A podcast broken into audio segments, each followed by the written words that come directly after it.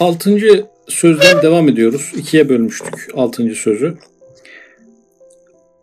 Madem her şey elimizden çıkacak, fani olup kaybolacak, acaba bakiye tebdil edip ipka etmek çaresi yok mu deyip düşünürken, birden semavi sadayı Kur'an işitiliyor, der evet var. Hem beş mertebe karlı bir surette güzel ve rahat bir çaresi var. Şimdi bu e, Kur'an'ın sadası işitiliyor dediğine göre biz birazcık e, İslamiyet'in gelmediği yılları düşünelim. Yani fetret dönemini düşünelim. E, özellikle e, o coğrafyadaki insanların bir Allah inancı vardı, bir yaratıcı var diye düşünüyorlardı. Ahiret inançları yoktu yani. Ahiret inançları yoktu. E, insan e, çürümüş kemik olduktan sonra e, onu kim diriltecek diye itirazları zaten Kur'an-ı Kerim'de görüyoruz. E, cahiliye döneminde böyle bir e, bazı insanlar istisnai bir takım ehli kitaba yakınlıktan kaynaklı bazı ahiret düşüncesi olanlar var ama genelde yok yani. Genelde herkes toz olup yok olup gideceğiz diye düşünüyorlar.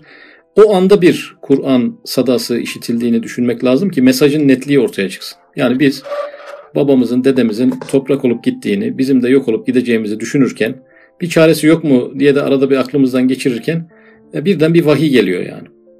Ee, Hristiyanlıkta güçlü bir e, akide, ahiret akidesi fakat Yahudilikte neredeyse hiç yok. Ee, sonraki dönemlerdeki bazı e, e, temaslardan kaynaklı biraz eklenmiş gibi görünüyor. Yani Yahudilikte var da e, şu anki haliyle genelde dünyevi e, yani bir cennet falan filandan bahsediliyor olsa da orası artık Filistin, İsrail oraları alma gibi yani yeryüzüne hakim olma gibi vaatler gibi algılanıyor onlar. Ee, yoksa öbür tarafta bir böyle e, bir zafer, bir muzafferiyet ahirette öyle bir mevzuları çok zayıf. O duyguları çok zayıf. Kur'an-ı Kerim'de ya bir biraz da arada bir e, eyyamun mağdudat sayılı günlerde azap bize dokunacak gibi garip inançlar da var. Kur'an-ı Kerim madem öyle diyorsunuz o zaman e, kendinizi öldürün bakayım gibi iddialarda yani onlara bir e, şeyde göndermede bulunuyor. E, dolayısıyla Kur'an hem beş mertebe karlı bir surette güzel ve rahat bir çaresi var. Yani neyin çaresi var? E, faniye doğru gidişimizin bir çözümü var. E, üç tane vasıf koydu burada. Biri karlı, e, ikincisi güzel, üçüncüsü rahat. Bunlar belki insanın üç tane ayrı latifesini ikna ediyor. Yani e, karla zararla ilgilenen bir boyutumuz var. E, güzel mi çirkin mi onunla ilgilenen bir boyutumuz var. E, bir de kolay mı zor mu onunla ilgilenen bir boyutumuz var. Yani üç tane ana latife e, bu biz e, kendimizi, nefsimizi ve malımızı Allah'a satacağız ama e, bir kar var mı diyen bir latifemiz var. Bir, bir güzellik var mı burada diyen bir latifemiz var. Bir rahat mı zor mu diyen bir latifemiz var. Üçüne de olumlu olumlu birer kelimeyle e, bir e, teskin e, de bulundu. Sual nedir? El cevap emaneti sahibi hakikisine satmak. İşte o satışta 5 derece kar içinde kar. Ee, burada bir emanet dediğimiz şey burada nefsimiz ve malımız. Malımıza Üstad Hazretleri maddi e, mülkümüzden daha ziyade e, latifelerimiz ve dış ve iç duyu organlarımız e, olarak bir e, tefsir vermişti. Şimdi beş tane kar sayılacak, beş tane de zarar sayılacak eğer satmazsak. Birinci kar fani mal beka bulur. Çünkü kayyumu baki olan Zat-ı Zülcelal'e verilen ve onun yolunda sarf edilen şu ömrü zail bakiye inkılap eder. Baki meyveler verir. O vakit ömür dakikaları adeta tohumlar, çekirdekler hükmünde zahiren fena bulur çürür. Fakat alemi bekada saadet çiçekleri açarlar, sümbüllenirler ve alemi berzahta ziyadar, munis birer manzara olurlar.'' Zaten bu paragrafın açıklaması dünkü dersin tamamıydı. E, ama burada bir berzah eki girdi. Eğer emaneti sahibi hakikisine verirsek, onun yolunda harcarsak e, ahiret konusu malum. E, ama bir de alemi berzah konusu, kabir alemi. E, belki bu dünyadan daha da uzun süren, e, bir de oradaki zorluk, kolaylık derecesine göre belki e, binlerce yılmış gibi hissedilen, gerçi kabirlerden diriltilince birkaç günmüş gibi gelen bir mesele. Ama bizim Nasıl anne karnında bir 9 aylık bir e, hayatımız vardı. Dünyada 50, 60, 70 senelik bir ömrümüz varsa e, aynen böyle bir e, yaşam alanı daha bekliyor bizi. Berzah alemi, kabir alemi. Kabir alemi de hadis-i şerifin ifadesiyle ya cennet bahçelerinden bir bahçe veya cehennem çukurlarından bir çukur. E, dolayısıyla e, kabirdeki mesele bir manzara meselesi. E, cennete gidecek olan kişiler kabirden cennetteki makamını ve yerini görerek orada kaldıkları için kabir hayatı onlar için bir motivasyon kaynağı e, oluyor. E, orada güçlü bir şekilde kalabiliyorlar. Cehennem yolcuları da cehennemdeki durumlarını, akıbetlerini göre göre manzara o pencereden göre göre yaşadıkları için kabrin sıkıntıları daha da büyümüş oluyor.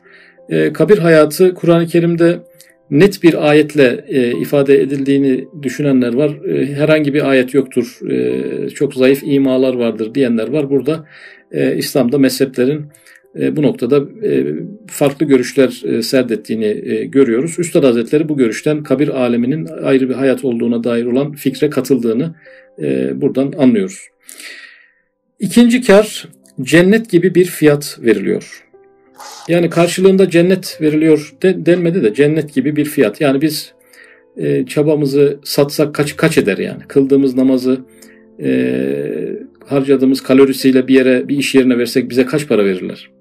E, tuttuğumuz orucu bir bir şirkete satmaya çalışsak bize ne kadar iltifat ederler? Yani bir bir noktada e, bu ibadetlerin e, karşılığı cennet olamaz yani. Çok e, nispetsiz bir durum var. Yani siz diyelim ki ayda sadece 30 saniye iş yapıyorsunuz ama ülkenin en yüksek maaşını siz alıyorsunuz. Bir nispetsizlik var. Burada da öyle. Zaten sebeplerle sonuçlar arasında e, sebeplerin bir e, zerre hükmünde, neticelerin ise bir dağ hükmünde e, olduğunu Üstad Hazretleri çok ifade ediyor. E, kainattaki bütün sebep sonuç ilişkileri. Bir çam ağacının çekirdeği çam ağacını kendi içinde taşıyor e, akıl alır gibi bir şey değil. Yani bu çam ağacı bu tohumun içinden çıkamaz yani. Neden acaba Cenab-ı Hak böyle en zayıf bir sebebe en güçlü sonuçları e, bina etmiş? E, o sonuçlar o sebeplerden bilinmesin diye. Yani bir üzüm salkımına bakıyoruz, üzüm e, çubuğuna bakıyoruz. Bu çubuktan bu üzüm çıkmaz. E, neden yani e, bu kadar nispetsiz yaratmış? Çünkü sonuçları sebeplerden bilmemizi istemediği için.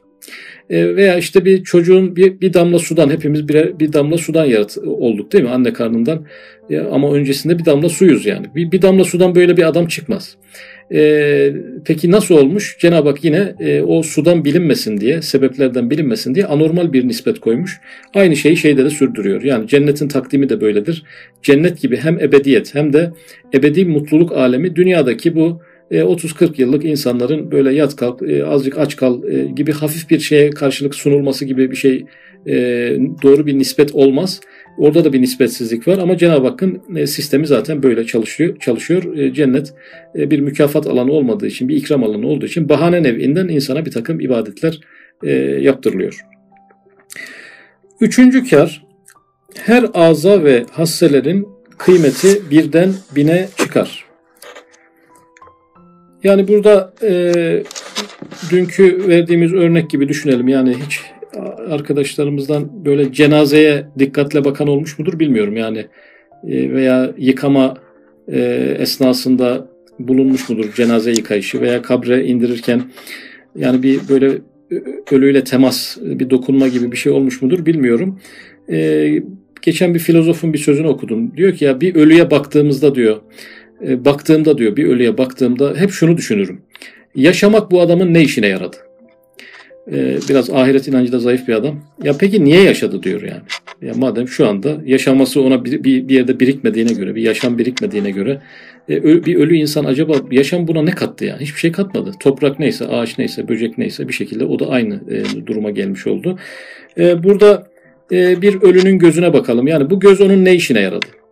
Yani o gözüyle gerçekten e, emanetini hakiki sahibine satmış, e, hayırlı şeyler yapmışsa e, bu göz ona avantaj sağlayacak. O gözü yanlış yerlerde kullandıysa e, ona bir dezavantaj sağlayacak. Ama göz artık görmüyor. Kafirin gözü de görmüyor, müminin gözü de görmüyor öldükten sonra. Artık ona o bir et parçası kadar bile bir değeri yok artık yani. Hiçbir işe yaramayan bir duruma geliyor ama geçmişi itibariyle keşke bu göz e, hayır yolunda kullanılsaydı da artık bu kişiye bir takım katkılar sağlasaydı. E, öbürü de şer yolunda kullandığı keyif çattı belki o gözle ama o gözün ona bir faydası artık dokumu yok. Çattığı keyifler de uçmuş gitmiş oluyor yani. Geriye günahlarını bırakıyor fakat lezzetlerini e, duman gibi sis gibi bir taraftan e, yok etmiş oluyor. Mesela akıl bir alettir. Eğer Cenab-ı Hakk'a satmayıp belki nefis hesabına çalıştırsan öyle meş'um ve müz'iç ve muacciz bir alet olur ki geçmiş zamanın alamı hazinesini ve gelecek zamanın ehvali muhavvilesi muhavvifanesini senin bu biçare başına yükletecek. Yumunsuz ve muzır bir alet derekesine iner. Yani burada arkadaşlar e, yine ölüye bakıyoruz adamın aklını, beynini düşünelim. Yani bu beyin bunun ne işine yaradı? Bu akıl bunun ne işine yaradı? E, şayet e, aklı e, Allah'a satmamışsa, Allah yolunda kullanmamışsa bu akıl buna ne yaptı? Hayat boyu ne yaptı? Akıl bize ne yapar? Burada iki tane e, açıdan bakıyor. Birisi geçmiş açısından, birisi gelecek açısından. Geçmişin bütün hüzünlü sahnelerini akıl bir şekilde insana e, sunuyor.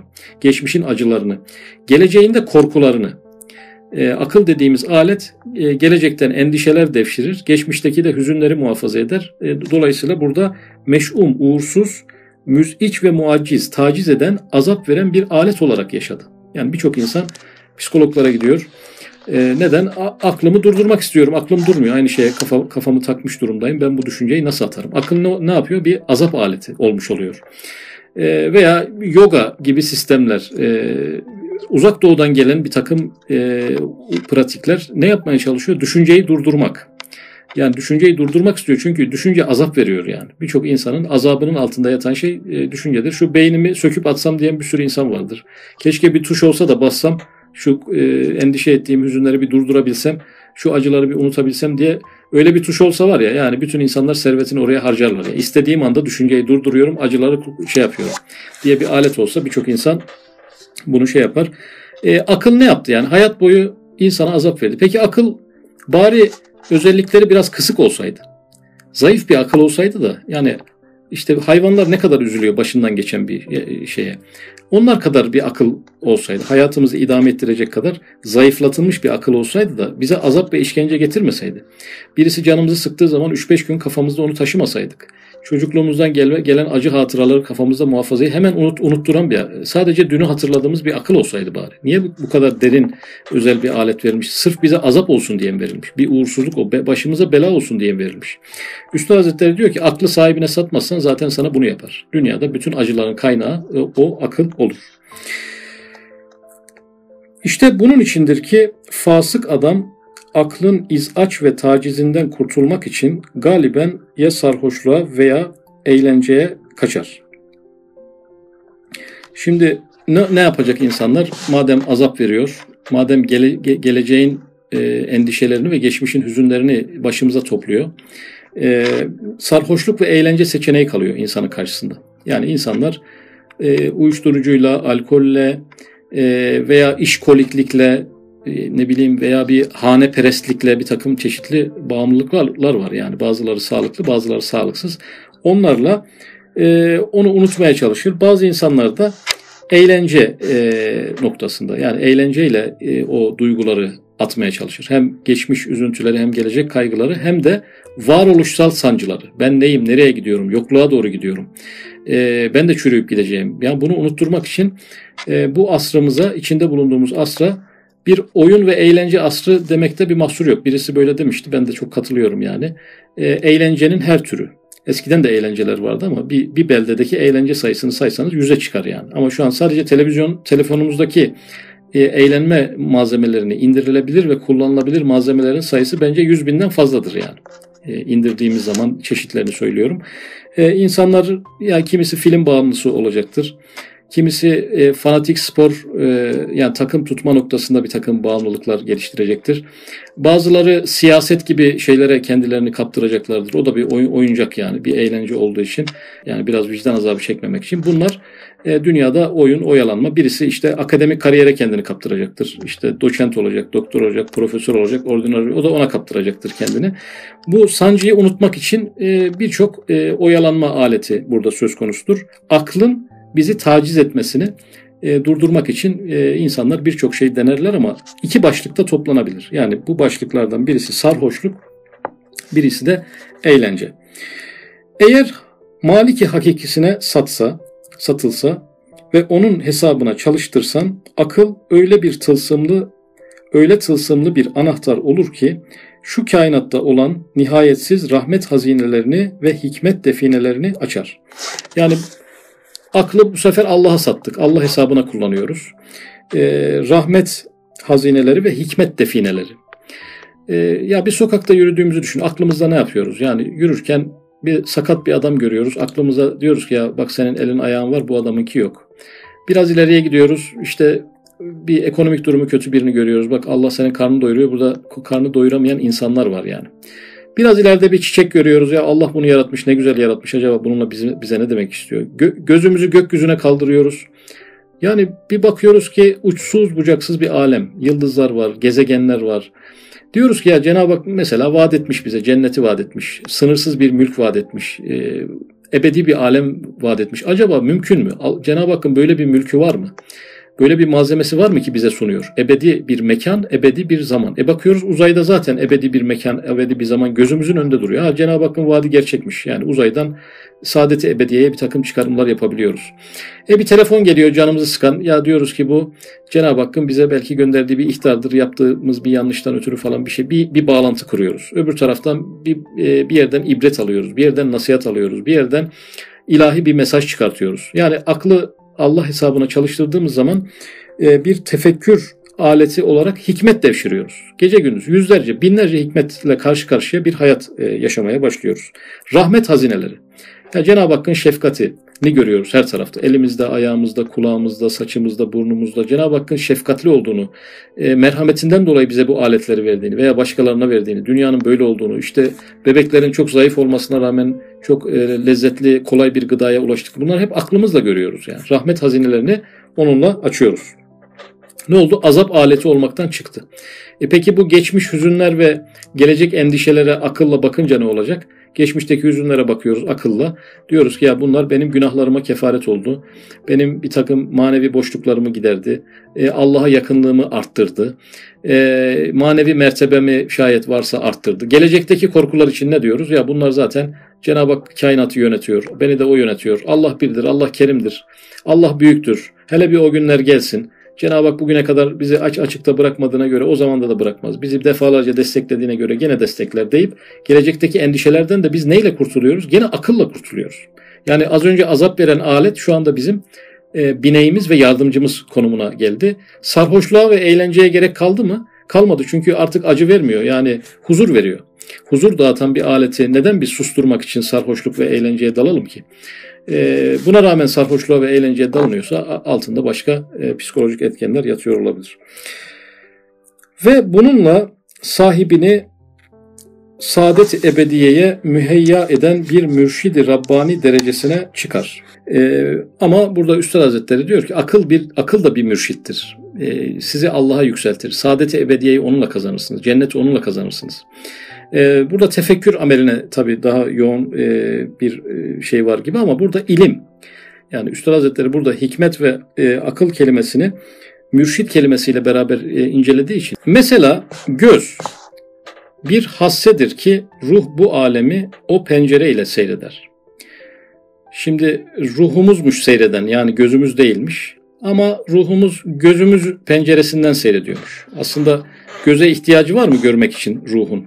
Yok. Nereden anlıyoruz? Mesela uy, uy, uyuyoruz yani. Gözümüz kapalıyken rüyada e, görüyoruz. Halen görüyoruz. Demek ki ruh görmeye devam ediyor. Ruh gör, görmesi için göze ihtiyacı yok. E, bu alemi seyrediyor. Ruh seyrediyor. Eğer Cenab-ı Hakk'a satmayıp belki nefis hesabına çalıştırsan geçici, devamsız bazı güzellikleri, manzaraları seyirle şehvet ve hevesi nefsaniyeye bir kavvat derekesinde bir hizmetkar olur. Yani ölünün gözüne bakıyoruz. Bu adamın gördüğü güzel manzaralar, güzellikler neye yaradı? Hepsi uçtu gitti. Ölünün gözü dünyadaki manzaraları biriktirmiş mi? Biriktirmemiş yani. E, bir şelaleye baktı, biriktirmiş mi? Biriktirmemiş. Gökyüzüne baktı, biriktirmiş mi? Biriktirmemiş. Peki e, şayet şehvet ve hevesi nefsaniye noktasında bakmışsa onlar da birikmemiş, onlar da uçmuş gitmiş ama günahlarını onun boynuna takarak gitmiş. Bu göz gene görmüyor. Yani müminin gözüyle cenaze bakımından iki cenaze yan yana düşünelim. Müminin cenazesinin gözüyle kafirin cenazesinin gözü ikisi de bir şeyler gördü. Ee, ama birisininki ona fayda sağlayacak şekilde bir arşivleme yaptı. Öbürü e, e, meşru noktada baktıkları uçtu gitti. Gayrimeşru noktada baktıkları onun için bir vebal ve bir sorun oldu. E, müminler de tabi burada e, şayet e, gözünü kontrol edememişlerse e, onlar da e, ne oluyor? Bir şekilde e, onlar yok oldu. E, güya lezzetle, keyifle baktığı o meseleler gitti. Vebalini onun boynuna taktı. Sonuçta o göz artık çalışmıyor yani. Bari güzel baksaydı, güzel yerlere baksaydı, e, Cenab-ı Hakk'ın izni ve emri dairesinde baksaydı da oradan birçok hazineler e, toplamış olsaydı diye bakabileceğimiz bir göz. Eğer gözü gözün sani basirine satsan. Şimdi basir Cenab-ı Hakk'ın görmekle alakalı esması kullanmış. E, özel bir seçim olduğu belli. Demek ki arkadaşlar gözü basire satacağız. Yani kulağı kime satacağız? Semiye satacağız. Yani her bir organımızı da ayrı esmaya satmak gerekiyor. Yani bu e, satışta ne, e, can, mallarını ve canını Allah e, sat, cennet karşılığında satın almıştır e, ayeti burada esmalara yönelik olduğu da anlaşılıyor. Üstad Hazretleri biraz daha teferruata girdi. Ve onun hesabına ve izni dairesinde çalıştırsan o zaman şu göz şu kitabı kebiri kainatın bir mütealacısı ve şu alemdeki mucizatı sanat-ı Rabbaniye'nin bir seyircisi ve şu küre arz bahçesindeki rahmet çiçeklerinin mübarek bir arısı derecesine çıkar. Yani göz hevesat ve şehvet noktasında değil de e, şayet Cenab-ı Hakk'ın emri dairesinde bakması gereken şeylere bakması gerektiği gibi bakarsa bir mütalacı oldu. Yani bir okur, e, bir tefekkür edici neyi? Kitabı Kebiri Kainatı. Cenab-ı Hakk'ın e, kitabı var önümüzde, kainat kitabı. Kainat kitabını okuyan bir e, entelektüel oldu bu göz yani. Yani bu, bu iş için yaratılmış oldu. E, ikincisi e, mucizat-ı sanat-ı Rabbaniye'nin bir seyircisi, bir seyirci oldu. Cenab-ı Hak sürekli mucizeler yaratıyor. Her şey mucizedir. Onlara karşı bir seyirci oldu. Ve diğer taraftan da bir arı oldu. Bu arı nereden nereye konuyor? Rahmet çiçeklerini. Yani bir çiçek nasıl, e, bir arı nasıl çiçek çiçek dolaşır, e, oradan bazı özler alırsa, e, Cenab-ı Hakk'a satılmış bir göz de her baktığı yerden, her baktığı noktadan Cenab-ı Hakk'a giden bir yol bulur. Oradan kendine marifet ve e, muhabbet petekleri e, biriktirmiş olur. Ne oldu? Az önce bir hizmetkar derecesinde bir gözden burada çok şerefli, itibarlı üç tane meslek yapan. Yani biri mütalacı, biri seyirci, e, birisi de toplayıcı durumda olan e, mübarek bir e, üstün bir makama çıktı yani. Aynı göz. Göz aynıyken bu makama onu çıkartmış olduk. Mesela mesela Dildeki kuvve-i zayikayı fatır hakimine satmazsan, belki nefis hesabına, mide namına çalıştırsan, o vakit midenin tavlasına ve fabrikasına bir kapıcı derekesine iner sukut eder. Burada tavla ahır anlamında. Yani artık e, eğer sadece işkembeyi doldurmak gibi bakarsan e, dil dil gibi özel bir e, varlık, özel bir sanat eseri e, burada ne oluyor? sadece oraya girecek olan e, malzemeleri denetleyen bir kapıcı durumuna e, iner, sukut eder. Eğer rezzak-ı kerime satsan o zaman dildeki kuvve-i zayika rahmet-i ilahiye hazinelerinin bir nazır-ı mahiri kudret-i samedaniye matbahlarının bir müfettiş-i şakiri rütbesine çıkar. Yani birinci aşamada dil bir sadece kapıcıydı. Yani dünyevi rütbelerde kapıcı çok önemsiz bir adamdır diyemiyoruz da. Burada e, Risale'nin başında nefsimizi ikna ederken iki yön kullanılıyor. Birisi rütbe yönü, birisi de rızık ve maişet yönü kullanılıyor demiştik 6. sözün başında.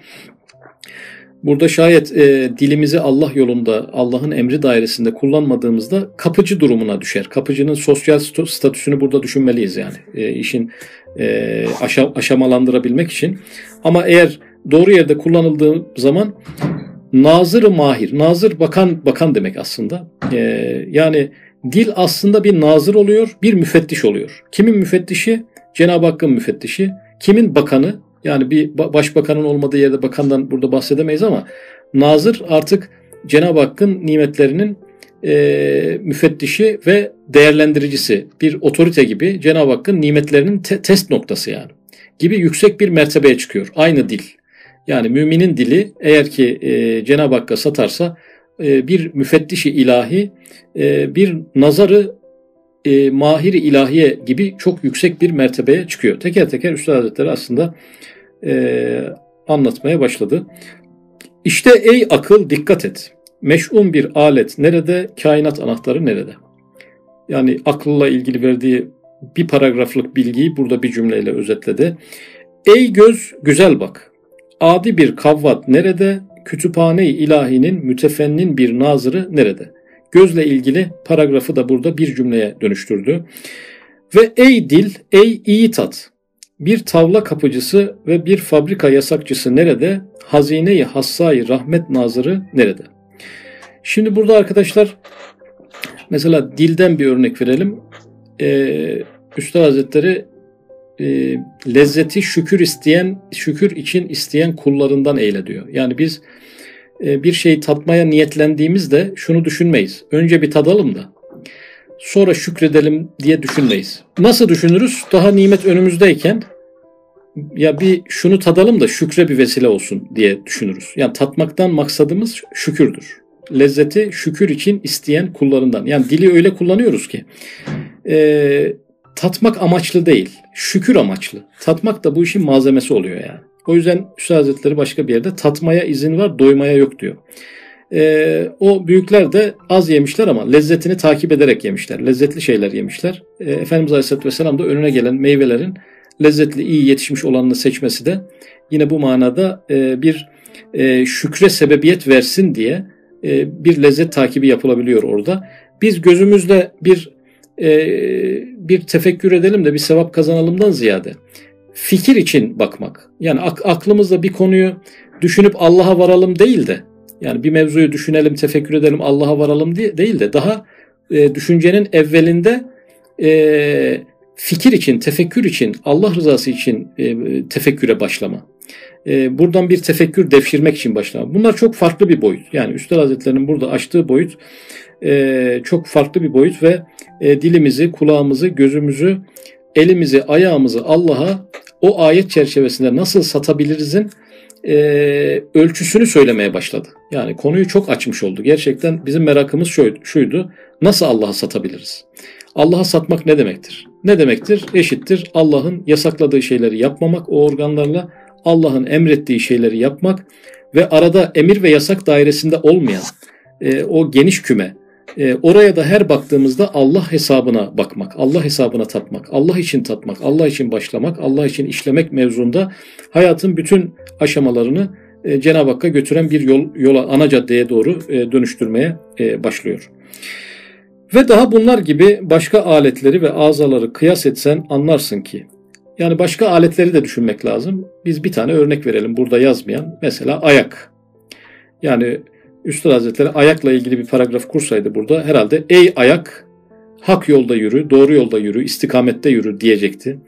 Ee, Allah'ın razı olmadığı yerlere doğru yürüme diyecekti. Yani camiye yürü, mescide yürü, işte hasta ziyaretine yürü, e, İslam'a hizmet için yürü, o ayaklarla bunları yap diyecekti. Eğer öyle yürürsen e, bu ayaklar cennette senin e, belki yıldızdan yıldıza atlamana sebebiyet verecek güçlü ayaklar haline gelecek.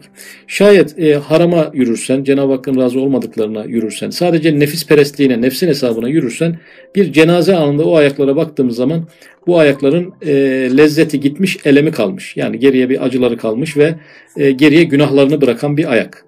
E, keşke böyle bir ayak olmasaydı veya ayak e, kendi sahibine diyecek ki keşke beni hiç kullanmasaydın, hiç doğru yolda e, beni yürütmedin diyecek. E, yine o nafile ibadetlerle alakalı hadisi kutsiyi hatıra getiriyor. E, kulum bana farzlarla yaklaşır, nafilelerle daha da yaklaşır. E, ve sonra kulumun gören gözü, tutan eli, e, hakka doğru yürüyen ayağı olurum diye oraya nazik bir meal veriyorlar ama e, hadisi kutsi'nin e, şey metninde, sade metninde e, onun yürüyen ayağı olurum ifadesi geçiyor. Yani onu hep hakka yürütürüm, hep doğruya yürütürüm manasında. E, dolayısıyla bütün organların Allah için kullanılabilecek bir minvali e, var. Yani sahabe efendilerimizin bu konuda hassasiyetleri çok şey. Yani gözünden e, ok yemiş, e, oku çıkarıyor, elinde bir bakıyor e, okun üzerinde gözü yani. Ne, ilginç bir manzara değil mi? Kendi gözünüzü bir okun üzerinde görüyorsun. Evet. Bir ayak kıyası yaptık. Hakikaten mümin cennete layık ve kafir cehenneme muvafık bir mahiyet kesbeder. Ve daha bunlar e, ve daha bunlar gibi başka aletleri ve azaları kıyas etsen anlarsın ki hakikaten mümin cennete layık ve kafir cehenneme muvafık bir mahiyet kesbeder.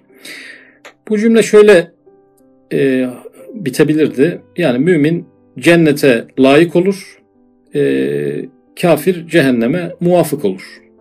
Mümin cennete gider, kafir cehenneme gider diyebilirdi.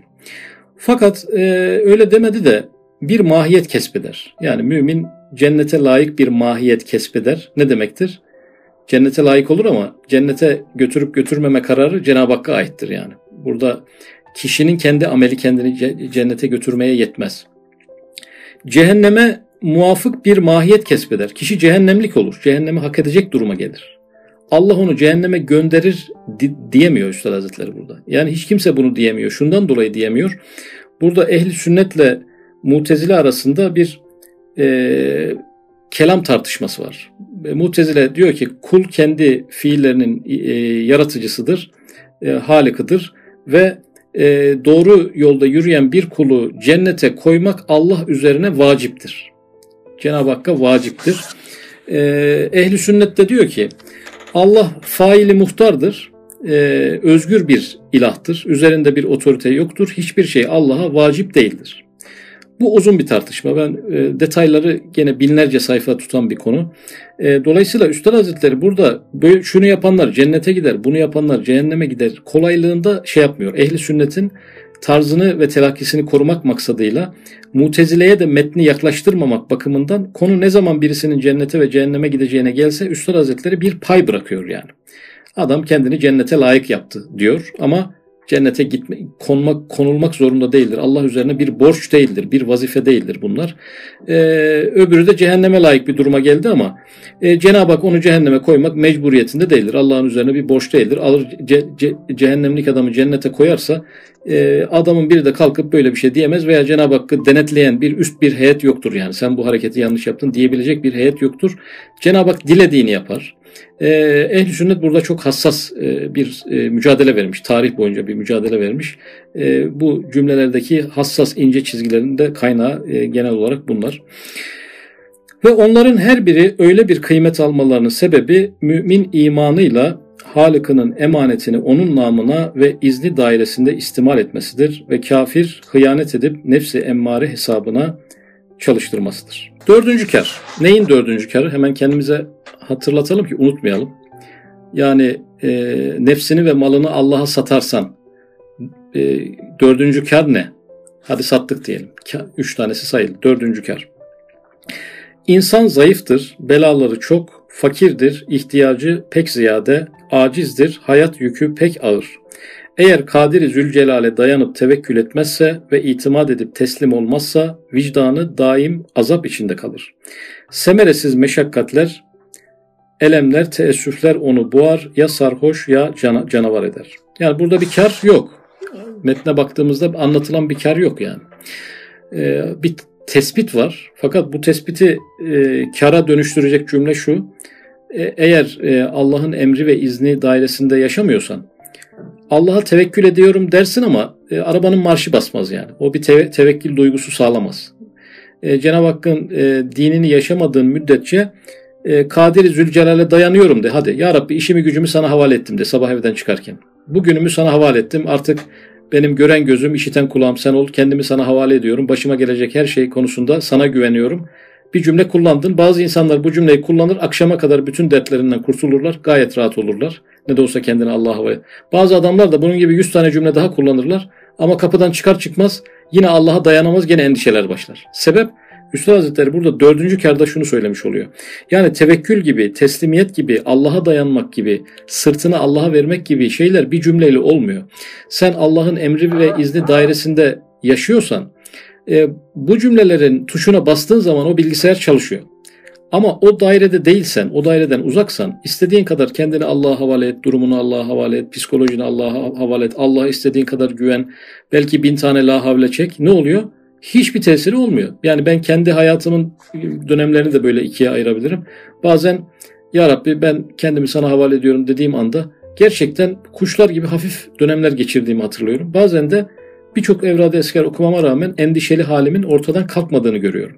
Yani bu e, bir e, emir dairesinden çıkmamayla alakalı. Yani ibadetlerinizi aksatmıyorsanız, manevi hayatınızda bir e, grafikte bir düşüş yoksa, e, kendi yaptığınız manevi planlar işliyorsa, e, verdiğiniz Cenab-ı Hakk'a karşı sırt dayamalarınızda da bir arkanızda bir destek buluyorsunuz. Destek hissediyorsunuz. E, ama gittikçe Allah'tan uzaklaşmışsanız, e, ibadetlerinizi aksatmışsanız, günahlarınızı arttırmışsanız e, aynı cümleyi bazen söylüyorsunuz ama hiçbir işe yaramıyor. Hiçbir e, alemin hiçbir terine dokun, dokunup orada bir elektrik etkisi yapamıyor. E, Üstad Hazretleri dördüncü kârda da bu psikolojik yüklerimizi, vicdan sızılarımızı, e, bu e, ruh hallerimizin bozukluklarını e, kendimizi Allah'a satmamış, nefsimizi Allah'a vermemiş olmaktan e, kaynaklandığını ifade etmiş oluyor. Burada tabi ya sarhoş ya canavar eder diyor. Kendini Allah'a havale edemeyen insanların durumu ne olacak? E, o endişelerini bastırmak için bakacak ki evrada eskerda bana hayır yok. E, söylüyorum söylüyorum o ruh hali oluşmuyor. Çektiğim tesbihler bana bir motivasyon sağlam. Ne yapacağım? E, görünüyor meyhanenin yolu. Çünkü o e, duyguları kapatmanın veya kendisini bir arabesk müzik şeyine verebilir. Yani 60-70 tane şarkı dinler gene farklı bir havaya girer yani. Manevi olmasa bile farklı bir noktada o havaya belki girebilir. Canavar eder diyor. Bazen de e, hayatın acılarını kaldıramayan adamlar e, Allah'a da kendini tam veremedikleri için e, bu sefer başkalarına zulmede ede e, kendi hayatlarını garanti altına e, şey yaparlar. Yani korkularından e, hayat karşısındaki ürkekliklerinden dolayı başkalarını ezerek bir cesaret elde etmeye çalışırlar. Bu da onların canavarlıkları olur. Bazen böyle milyonlarca insan zayi olur gider bu sebeple yani. Beşinci kar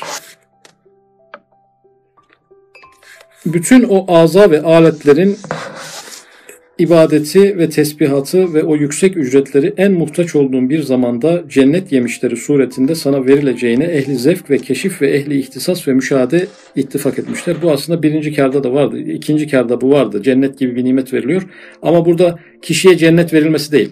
Her organına cennetten bir takım kendi boyutuyla ilgili bir şeyler verilmesi. Yani kulağa cennetten seslerin verilmesi. Göze cennetten görüntülerin verilmesi. Buruna cennetten kokular verilmesi. Neden? O hizmetleri o organlar yaptı. Ödülleri ve ikramları da o organlar teker teker alması icap edecek. İşte bu beş mertebe karlı ticareti yapmazsan şu karlardan mahrumiyetten başka beş derece hasaret içinde hasarete düşeceksin.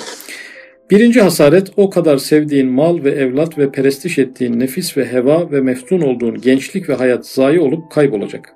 Senin elinden çıkacaklar fakat günahlarını, elemlerini sana bırakıp boynuna yükletecekler. Bunu izah ettiğimiz için üzerinde durmuyorum. İkinci hasaret. Emanete hıyanet cezası çekeceksin. Çünkü en kıymetli aletleri en kıymetsiz şeylerde sarf edip nefsine zulmet. Yani ee, bir de bunun hesabı var yani. Akıl tefekkürde kullanılacaktı. Sen endişe için kullandın. Göz tefekkür için kullanılacaktı. Sen onları şehvetle harama nazar için kullandın. Birincisi Cenab-ı Hakk'ın verdiği mülkü değersiz işlerde kullandığın için azap göreceksin. İkincisi de o organlar gelip beni yanlış yerde kullandın diye sana hesap soracaklar yani.